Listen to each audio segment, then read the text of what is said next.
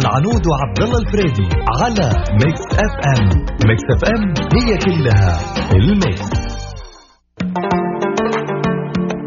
السلام عليكم ورحمة الله وبركاته. سعد الله مساكم كل خير. وهلا وسهلا فيكم في حلقة من حلقات برنامج يا ذا الليل نيابة عن الزملاء. اليوم الحلقة حتكون جميلة جدا فيها من الحكمة والحكمة ضالة المؤمن. اليوم آه، حنتكلم ومع بعض كلنا وحناخذ آراء بعض ونتكلم عن موضوع اللي هو الحكمة. ونذكر بعض مواقف مريتم فيها بسبب, بسبب التصرف الحكيم اللي أثر فيكم. وأيضا حسألكم سؤال هل الحكمة هو شيء فطري أو شيء مكتسب؟ ومن أين تكون اكتسبت هذه الحكمة اللي أنت آه، معتمد عليها أو أنت بتشوف نفسك فيها أنه أنت إنسان حكيم؟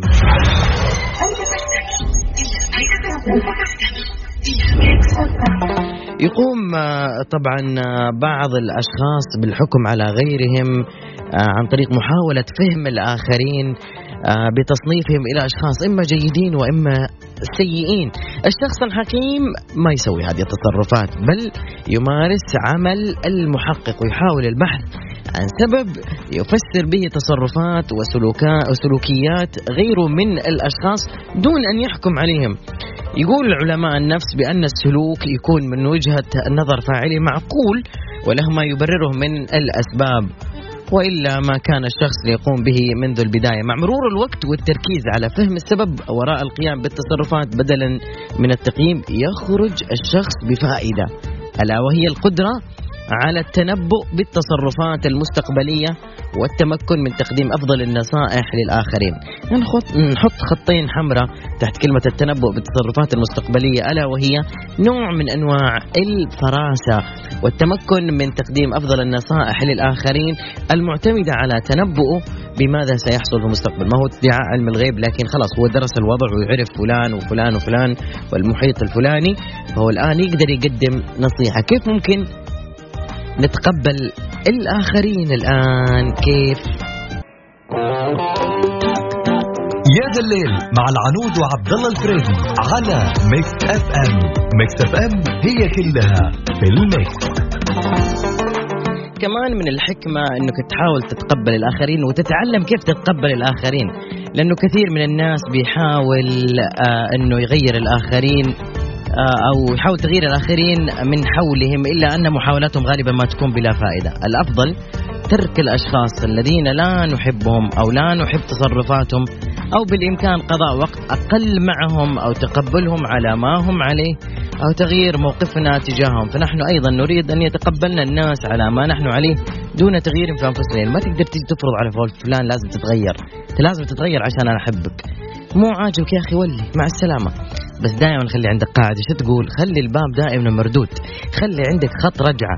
مو لازم تكون عداوة بينك وبين الشخص الفلاني. مثلا أنا في شخص ما أحب أحبه لشخصه جدا في, في, في الحياة الطبيعية.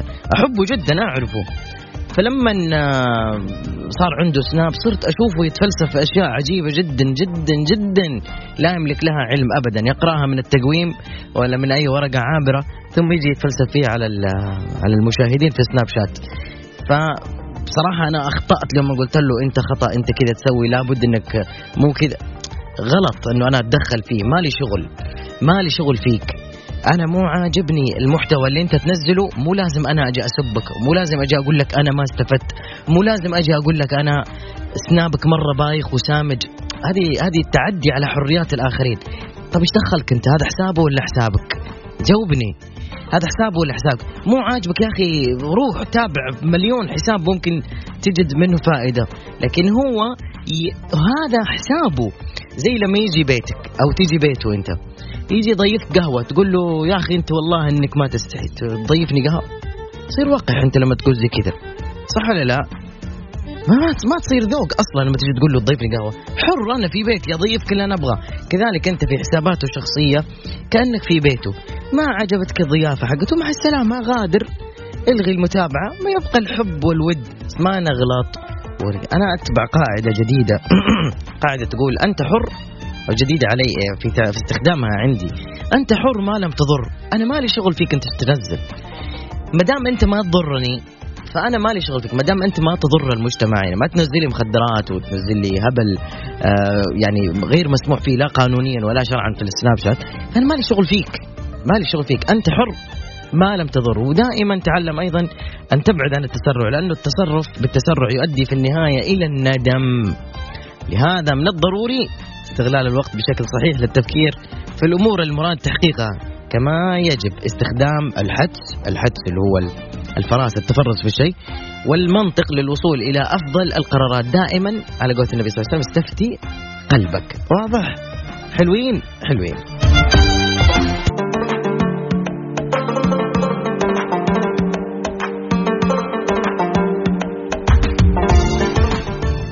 من الحكمة أيضا الابتعاد عن التقليد الأعمى. وهذا شيء طبعا صعب الكثير. صار الموضة عندنا التقليد. كموضة موضة من جد. أي أحد يبغى ينجح يقلد آه، فلان الفلاني. مثل مثلا مطعم شاورما. شو أقول اسم؟ مثلا مثلا شاورما Mix FM. يجيك واحد جنبه كتب لك شاورما صديق Mix FM. واحد يكتب لك شاورما Mix FM الأصلية. واحد يقول شاورما Mix FM الذهبية. شاورما Mix FM السعودية. شاورما Mix FM اللي كانت حقت علي المنصري. وهكذا. يا أخي ابتكر اسم ثاني يا أخي. وخر عن التقليد يا أخي. وخر. لا بد يقلد. يا والله يضايقنا لما نشوف مطاعم زي كذا. مطعم مشهور جدا وتعبان على الإعلانات. وتعبان على الإعلانات. ومش عارف إيه. مطعم Mix FM. مطعم ال Mix FM الأصلي. Mix مطعم جديد Mix F لا يا شيخ بالله عليك. ابتكر ابتكر يا أخي ابتكر. قيام الآخرين بفعل بعض الأشياء المتشابهة لا يعني إنه علينا محاكاتهم والقيام بذات الشيء. مو من الحكمة اتباع حشود الناس بشكل أعمى بل يجدر بنا التفكير والمراقبة والسؤال عن دوافع القيام بالأشياء. وعلينا أن نسأل أنفسنا إن كنا نرغب حقا بالقيام بهذا الشيء وإن كان القيام به أمر مستحسن أم غير مستحسن. بعد شوي حقول لكم أيضا كيف تتعلم من أخطاء الآخرين. بعد ما أسمع ساموزين شو يقول؟ يا ذا الليل مع العنود وعبد الله الفريدي على Mix FM Mix FM هي كلها في ال mix. الساعة الأولى اللي ما زلنا نتكلم فيها عن الحكمة وهل هي الحكمة شيء فطري أو مكتسب وكيف نتعلم أن نكون من الحكماء. وصلنا إلى فقرة التعلم من أخطاء الآخرين. لأنه مو من الحكمة مقارنة أنفسنا بالآخرين إلا أنه غالبية البشر يمتلكون نقاط الضعف ذاتها. الأمر الذي يمكننا من التعلم من أخطاء الآخرين وتجنبها. من الضروري أيضا التوقف عن الاهتمام بآراء الآخرين. والله كلنا نتأثر بآراء الآخرين وبيضايقنا فلان إيش قال علينا؟ وفلان إيش قال علينا؟ لازم نؤمن بقاعدة لولا اختلاف اختلاف الآراء لبارت السلع. وبعدين رضا الناس غاية لا تدرك أبدا أبدا أبدا. مهما سويت مستحيل أنه أنت ترضي الناس. لذلك من الضروري أيضا التوقف عن الاهتمام بآراء الآخرين حيث أن انتظار استحسان الآخرين وآرائهم لتجاربنا أو أفعالنا يعني إيقاف فرص التطور والإبداع في حياتنا. يا ذا الليل مع العنود وعبد الله الفريدي على Mix FM Mix FM هي كلها في ال mix. آخر خطوتين هي التعلم من أخطاء الآخرين وليس من الحكمة. آه، مقارنة قلنا مقارنة نفسنا بالآخرين. أما الأخير فهو التعامل مع التحديات بإيجابية. صرفت الموضوع. طبعا آه، التعامل مع التحديات بإيجابية تفيدك كثير جدا لما تأخذ دورات في تطوير الذات لأنه من الطبيعي مواجهة العديد من التحديات والصعوبات في الحياة. الشخص الحكيم هو اللي يتمكن من الاستفادة منها والتعامل معها كفرص. خليني أقول لكم أنا مثال بسيط عن الحكمة اللي أنا واجهتها مثلا في حياتي وشفتها قدامي من رجل حكيم تعلمت منه يمكن هذا البند يكفيني كثير. أنا بطبعي ناري يعني عصبي للحظة للحظة عصبي للحظة. لكن أروق بسرعة بعد عشر دقائق تلقاني مره ركت تقول لي آسف ابتسم لي. احضني المسني. خلاص تلقاني أتكلم معاي. خلاص تلقاني نسيت. عشر دقائق ربع ساعة بالكثير ها؟ بس بعض الناس خلاص هذول أنا ختمت عليهم بال بالبلوك بالشمع الأحمر. لن ولن أغفر له. كذا بكيف أنا حر. المهم ما علينا. يوم من الأيام كنت آه، في العمل وبعدين جاني إيميل من واحد أعلى مني وبصراحه الإيميل كان مستفز جدا. وكنت قاعد قدام مدير أعلى مننا كلنا كبير. فقمت رفع كذا رميت اللابتوب كذا على جنب وقال لي إيش فيك؟ قلت له أقرأ. ابتسم زي كذا؟ قلت له قمت سحبت اللابتوب كذا بسرعة. كذا شوف بعصبية. زي كذا سحبته جيت برد. قال إيش قاعد تسوي؟ قلت برد. برد على الايميل أنا وريه والله ما اسكت له. قفل اللابتوب. قال لي تعلم حكمة. خلي الطبخة تبرد وبعدين كل. عشان لا تلسعك قلت كيف؟ قال شوف انت الآن بترد وانت معصب صح؟ قلت أيوه. قال لي بيخرج منك كلام اللي هو عن العصبية كأنك تتخذ موقف وانت معصب جدا ثم تندم عليه لاحقا. صح؟ قلت له صح.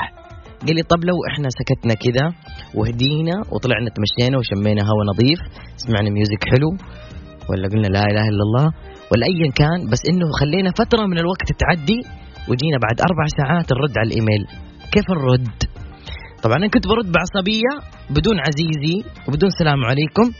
إيميلك مرفوض وهذا الأسلوب مو بنت اللي تخاطبني فيه وما أدري زي كذا والزم حدك. هذا اللي كنت أنا برد فيه. طبعا جيت بعد أربع ساعات أو خمس ساعات بعد ما روقني وعلمني الحكمة هذه كتبت عزيزي فلان تحية طيبة وبعد ألتمس العذر فيما كتبت وإني لاعتذر فيما تجاوزت عنه. وهذه أول مرة تبدر مني وأرجو التجاوز عنها. وبإذن الله كما عهدتموني ستجدوني دائما في المقدمة وفي التميز دائما. أرسل لي شكرا لتجاوبك بأدب وأخلاق. وفي آخر الشهر كرمت. أعطوني ألف ريال. حلو ألف ريال. إيه أعطوني ألف ريال. ليش؟ مو بغض النظر عن المبلغ. أنا أتكلم عن التكريم والحكمة اللي أنا تعلمتها من أستاذي القدير أحمد طعيمة. وما يسمعني والله العظيم لكن أنا بقولها كذا يعني خاطري كذا بس بقولها إنه هذا الرجل أنا تعلمت الحكمة منه كثير كثير كثير حتى والله إذا عندي الآن مشكلة عائلية هو أكبر مني ومتزوج قبلي وعنده عيال أكبر من عيالي فأرجع أتعلم منه شو أسوي؟ يقول كذا كذا كذا سوي كذا كذا باللين باللين باللين طيب أنا هل أشوف هذه التصرفات موجودة فيه ولا لا؟ أنا أشوف الحين مثلا يصيح على عياله لكن والله العظيم يا جماعة مدرسة هذا الرجل مدرسة. وكذلك أنت راح تواجه مدرسة في حياتك سواء أبوك أو أخوك أو خالك أو مديرك أو صاحبك أو حتى من شخص تستمع له مثل علي المنصري مثلا. فهمت كيف؟ فنستفيد من الجميع. سامحونا طولنا عليكم خذنا عليكم ساعة كاملة من برنامج يا ذا الليل غثيناكم وبنرجع لكم مرة ثانية الساعة 9 في برنامج Mix Tricks نترك الآن البرنامج لاستديوهاتنا في الرياض وأنا إن شاء الله راح أكون معكم من الساعة 9 لين الساعة 10 فمان الله شباب. يا ذا الليل مع العنود وعبد الله الفريدي على Mix FM Mix FM هي كلها في ال mix.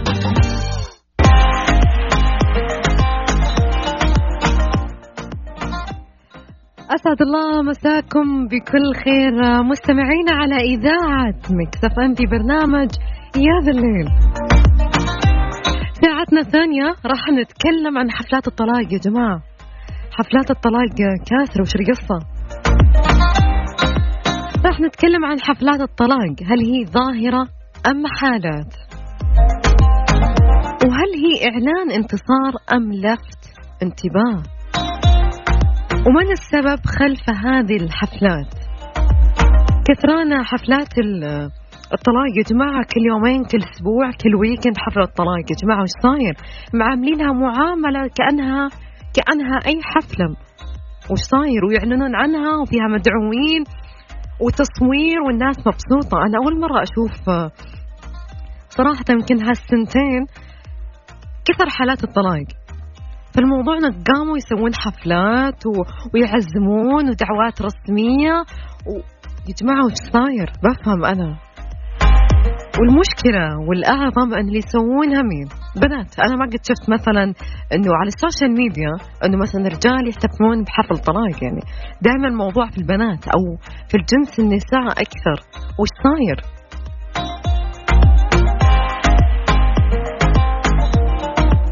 الحفلات الطلاق هل هي ظاهرة أم حالات؟ مرة أبغى أسمع رأيكم لأن رأيكم كثير يهمني أنا وأكيد يهم المستمعين شاركوني على صفر خمسة أربعة ثمانية ثمانية واحد واحد سبعمية مين السبب وراء حفلات الطلاق هذه؟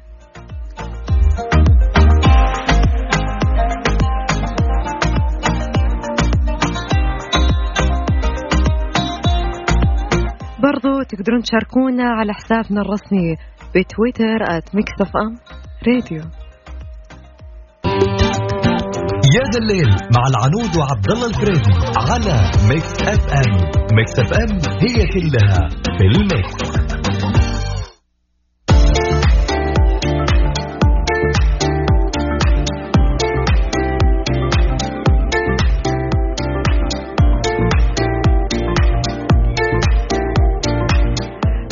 مسؤول المدفوعات السعودية تدرس السماح للأشخاص خارج المملكة باستخدام سداد. خلونا نعرف الموضوع.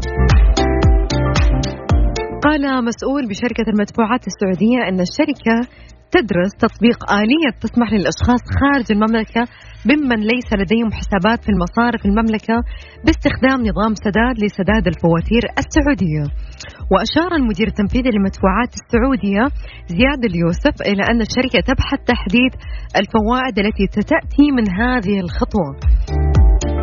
من جانب آخر أفاد اليوسف أنه سيتم ربط نظام سريع التابع للشركة بشركة المدفوعات الخليجية لتحويل وأنظمة المدفوعات في الخليج لتسهيل التحويلات المالية بين البنوك المركزية في دول مجلس التعاون.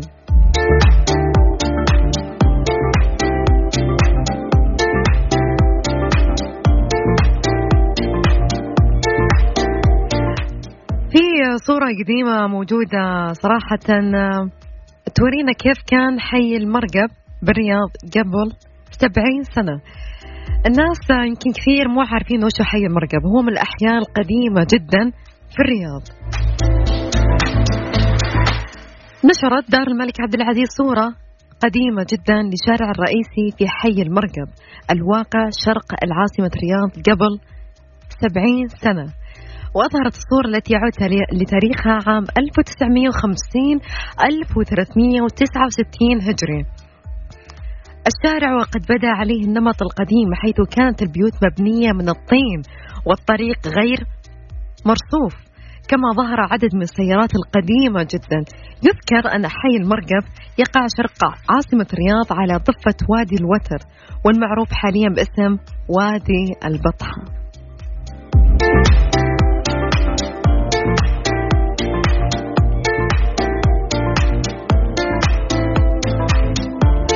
خلينا لسه بالأشياء التاريخية. صورة تاريخية للملك سلمان قبل 64 سنة.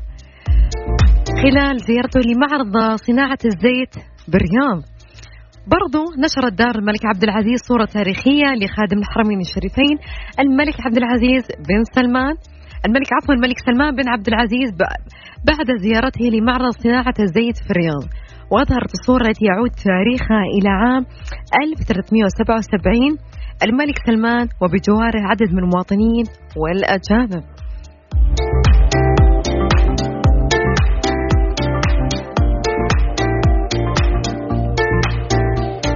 في حاجة انتشرت في السوشيال ميديا اليوم أو بمعنى أصح أمس الليل اللي هو تجمد المياه الخارجية من الصنبور بسبب شدة البرودة في مزرعة بالدوادمية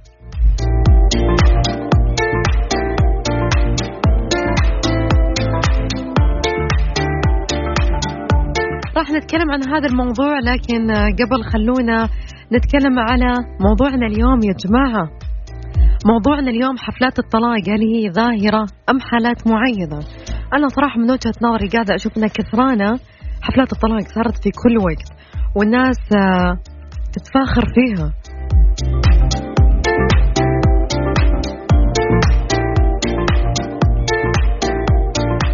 إعلان انتصار هل إعلان الطلاق هل هو انتصار أم لفت انتباه؟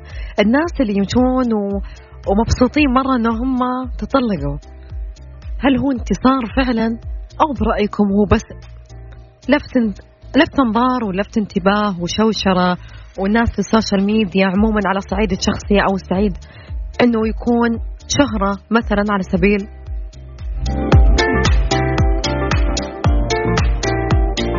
المشكلة إنه الناس اللي يسوون الحفلات هذه ما هم صغار يا جماعة. يعني تتجاوز أعمارهم بين الثلاثين إلى 45 سنة. يعني هذا الشيء اللي أنا قاعدة أشوفه أنا.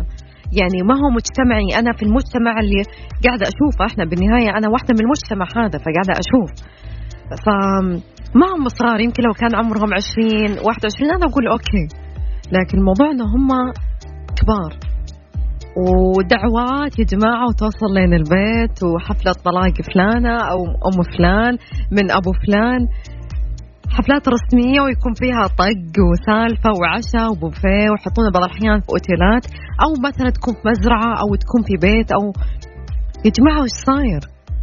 أو مثلا يقولون يلا هذه السفرة عشان والله فلانة تطلقت وهذه السفرة عشانها بروح ننبسط. وهي تكون مبسوطة. يعني الموضوع إنه وش صاير يا جماعة؟ أحد يفهمني. هل هو صارت حفلات الطلاق ترند الحين إنه الوحدة لما تسوي حفلة طلاق معناتها إنه هي انتصرت مثلا مثلا على ابو عيالها أو على زوج لما تنجب منه عيال ولا هي طفشانة وتبغى تسوي حفلة وما هي عارفة وش المناسبة فخلتها حفلة طلاق. ولا وش السالفة يا جماعة؟ أحد يفهمني.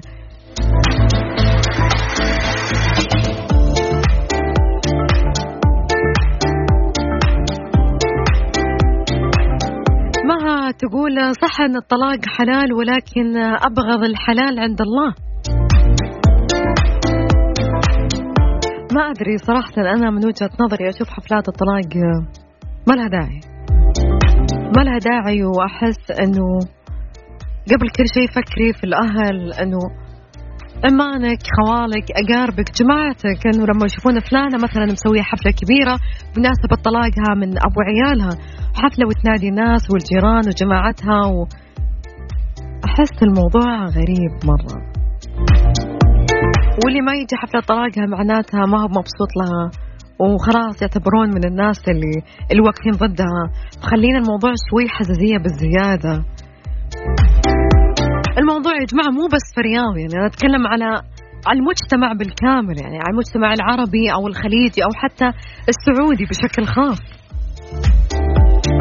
شاركوني على صفر خمسة أربعة ثمانية, ثمانية واحد, واحد سبعمية. راح نطلع الأخبار نص ساعة رياضية وبعدها مكملين معاكم.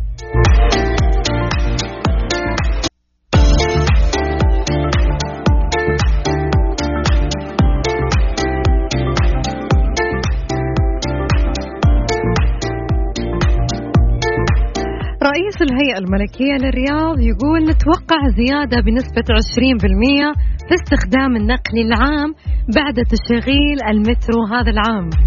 يا جماعة أنا مرة متحمسة على المترو يعني حتى شكلها كذا مرة حلو.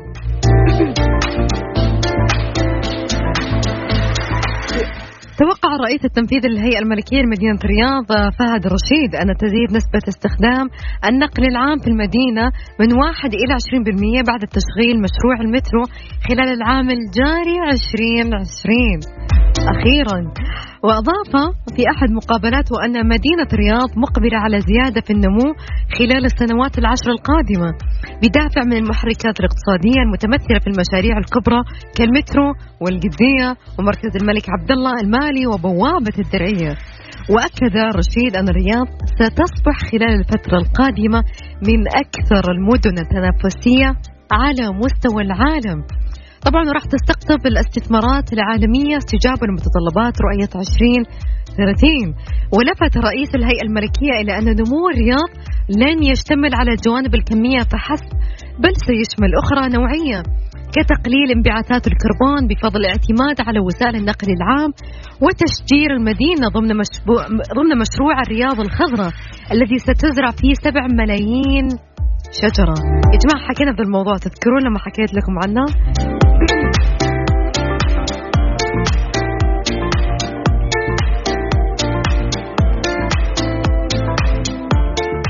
مرة ثانية أبشر يا جماعة يحذر من استخدام رقم الجوال المسجل بالمنصة في حساب آخر.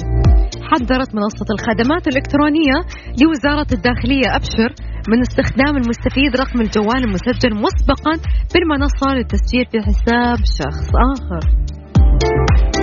وقالت أبشر عبر حسابها الرسمي بتويتر تجنبا لتعطل حسابك لا تستخدم رقم جوالك المسجل مسبقا بمنصة أبشر للتسجيل في حساب شخص آخر.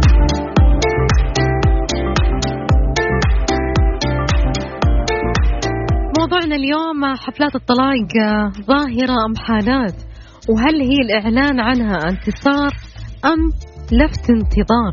عفوا لفت أنظار ولفت انتباه. شاركوني على صفر خمسة أربعة ثمانية, ثمانية واحد, واحد سبعمية.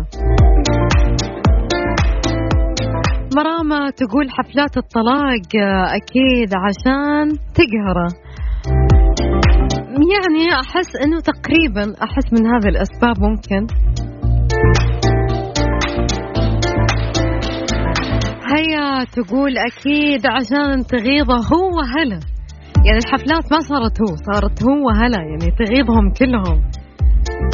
هذا إذا ما وصلت لهلا دعوات عشان يحضرون حفل طلاقها هذه كبيرة أحس يعني مرة مرة أحس عيب إنه أنا أرسل إنه دعوات حفل طلاق أنا مسويتها من ولدكم وأرسل دعوات عشان تحضرون يا جماعة.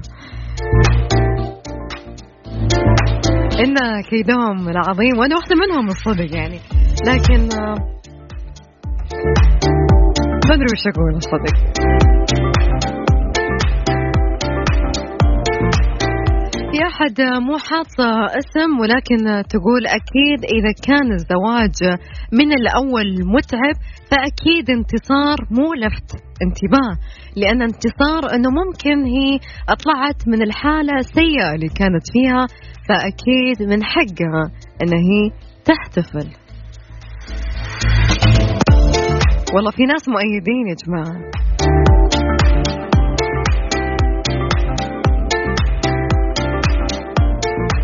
حلا تقول صراحة أكثر الناس اللي يسوون حفلات الطلاق بعد معاناة طويلة في طلب الطلاق وبعدها يصير الطلاق فأنا أشوف من حقها برضو أن هي تحتفل.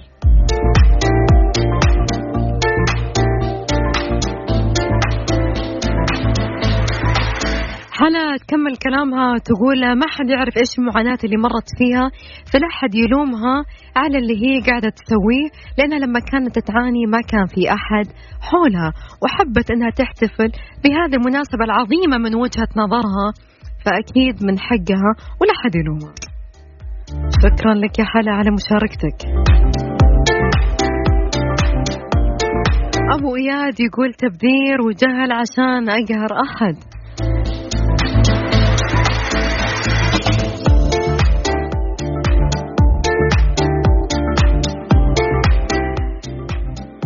سعود الشهراني عفوا سعود الزهراني يقول أنا من قلة الذوق انه هو يقولنا من قلة الذوق وقلة الإيمان إيش ما كان ظروفك ما تحتفلي شوف أنا صراحة ما قد شفت رجال يحتفل. هو دائما يعني إحنا يا بنات وش صاير فينا يا جماعة؟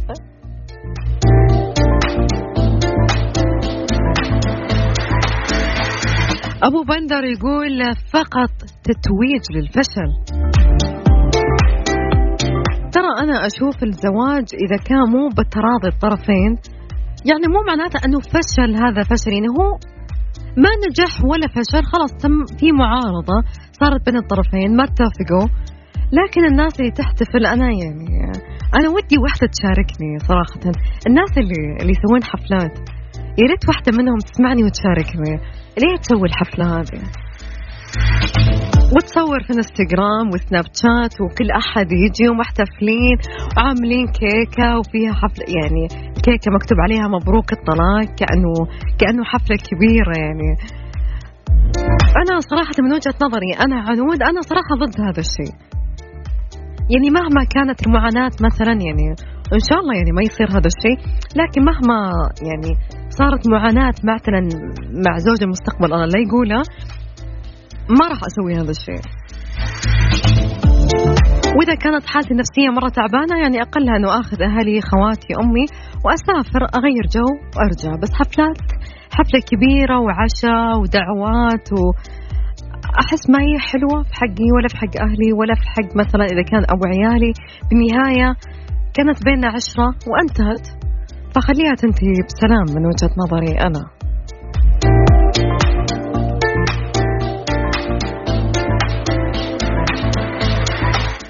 توفيق يقول إن أبغض الحلال عند الله الطلاق يعني حرام غير انه عيب. لا مو حرام يا جماعة إنه هو الطلاق حلال بس مو حرام ترى. ولا تدخلنا في موضوع الدين رجاء لأنه عيب. خلينا على سالفة عيب. أفضل يعني.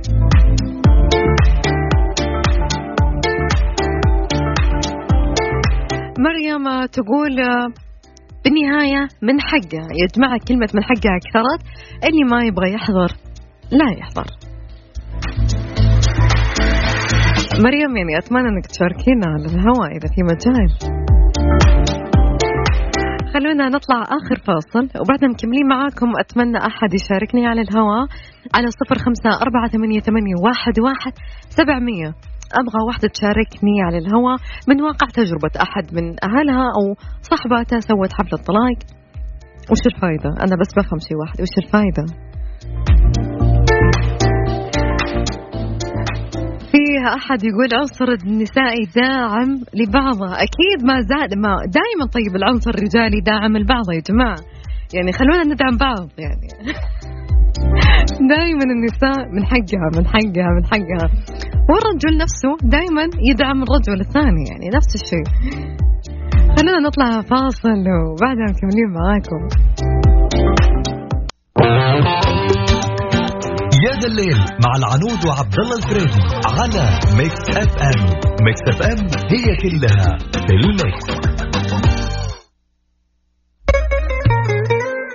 إلى هنا مستمعينا وصلنا لنهاية ساعتنا. أتمنى أنكم استمتعتوا بهذه الساعة لكن اللي عرفته أن في هذه الساعة أن البنات أو النساء دائما يدعم اللي في صفه والرجال نفس الشيء. لكن دائما أتمنى لكم التوفيق يا رب والهداية. والله يسخر كل اثنين البعض. تصبحون على ألف خير. في أمان الله. وقبل ما تخطون أي خطوة دائما استخيروا يا جماعة. ترى استخارة زينة. في أمان الله.